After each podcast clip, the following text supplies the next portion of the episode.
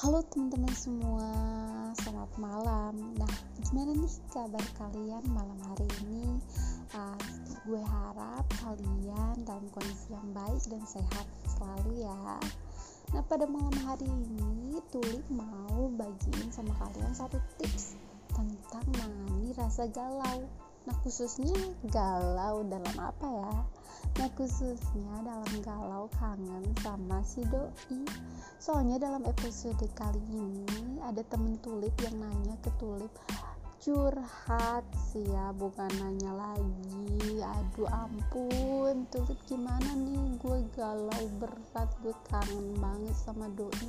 Tapi gue kan gak mungkin kontak dia duluan. Tapi abis gimana? Gue lagi ngambekan kan gengsi. Dia bilang begitu tuh. Nah di sini ada juga nggak sih yang begitu? Gengsi gengsian ya ampun. Nah tapi di sini sih uh, yang gue mau sharing bukan cuman masalah uh, geng uh, ngambekannya gengsi atau apa pun yang ada kendala yang penting di sini tuh gimana sih supaya gak galau? Iya.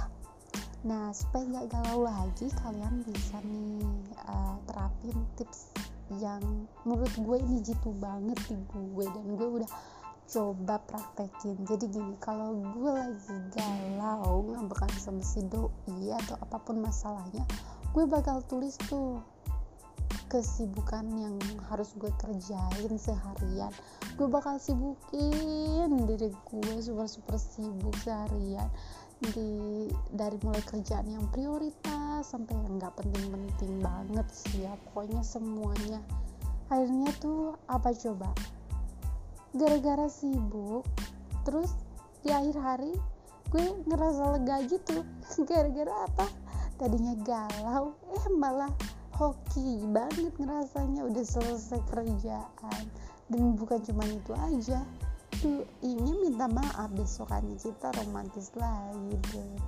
Dan menurut gue sih nggak bisa dipikir lagi ya kalau memang uh, kalian butuh waktu sama-sama merenung ya udah biarin aja. Tapi kan kalau buat cewek merenung itu hal yang menyiksa. So di sini solusinya buat kalian guys. Come on kita sibukin diri aja deh. Ngerjain apa aja yang penting mau bersih bersih mau ngapain kayak terserah nyanyi kayak apa aja lah. Nah itu aja tips dari gue. Mudah-mudahan bermanfaat ya dan sampai jumpa lagi di episode selanjutnya. Jangan galau. Bye.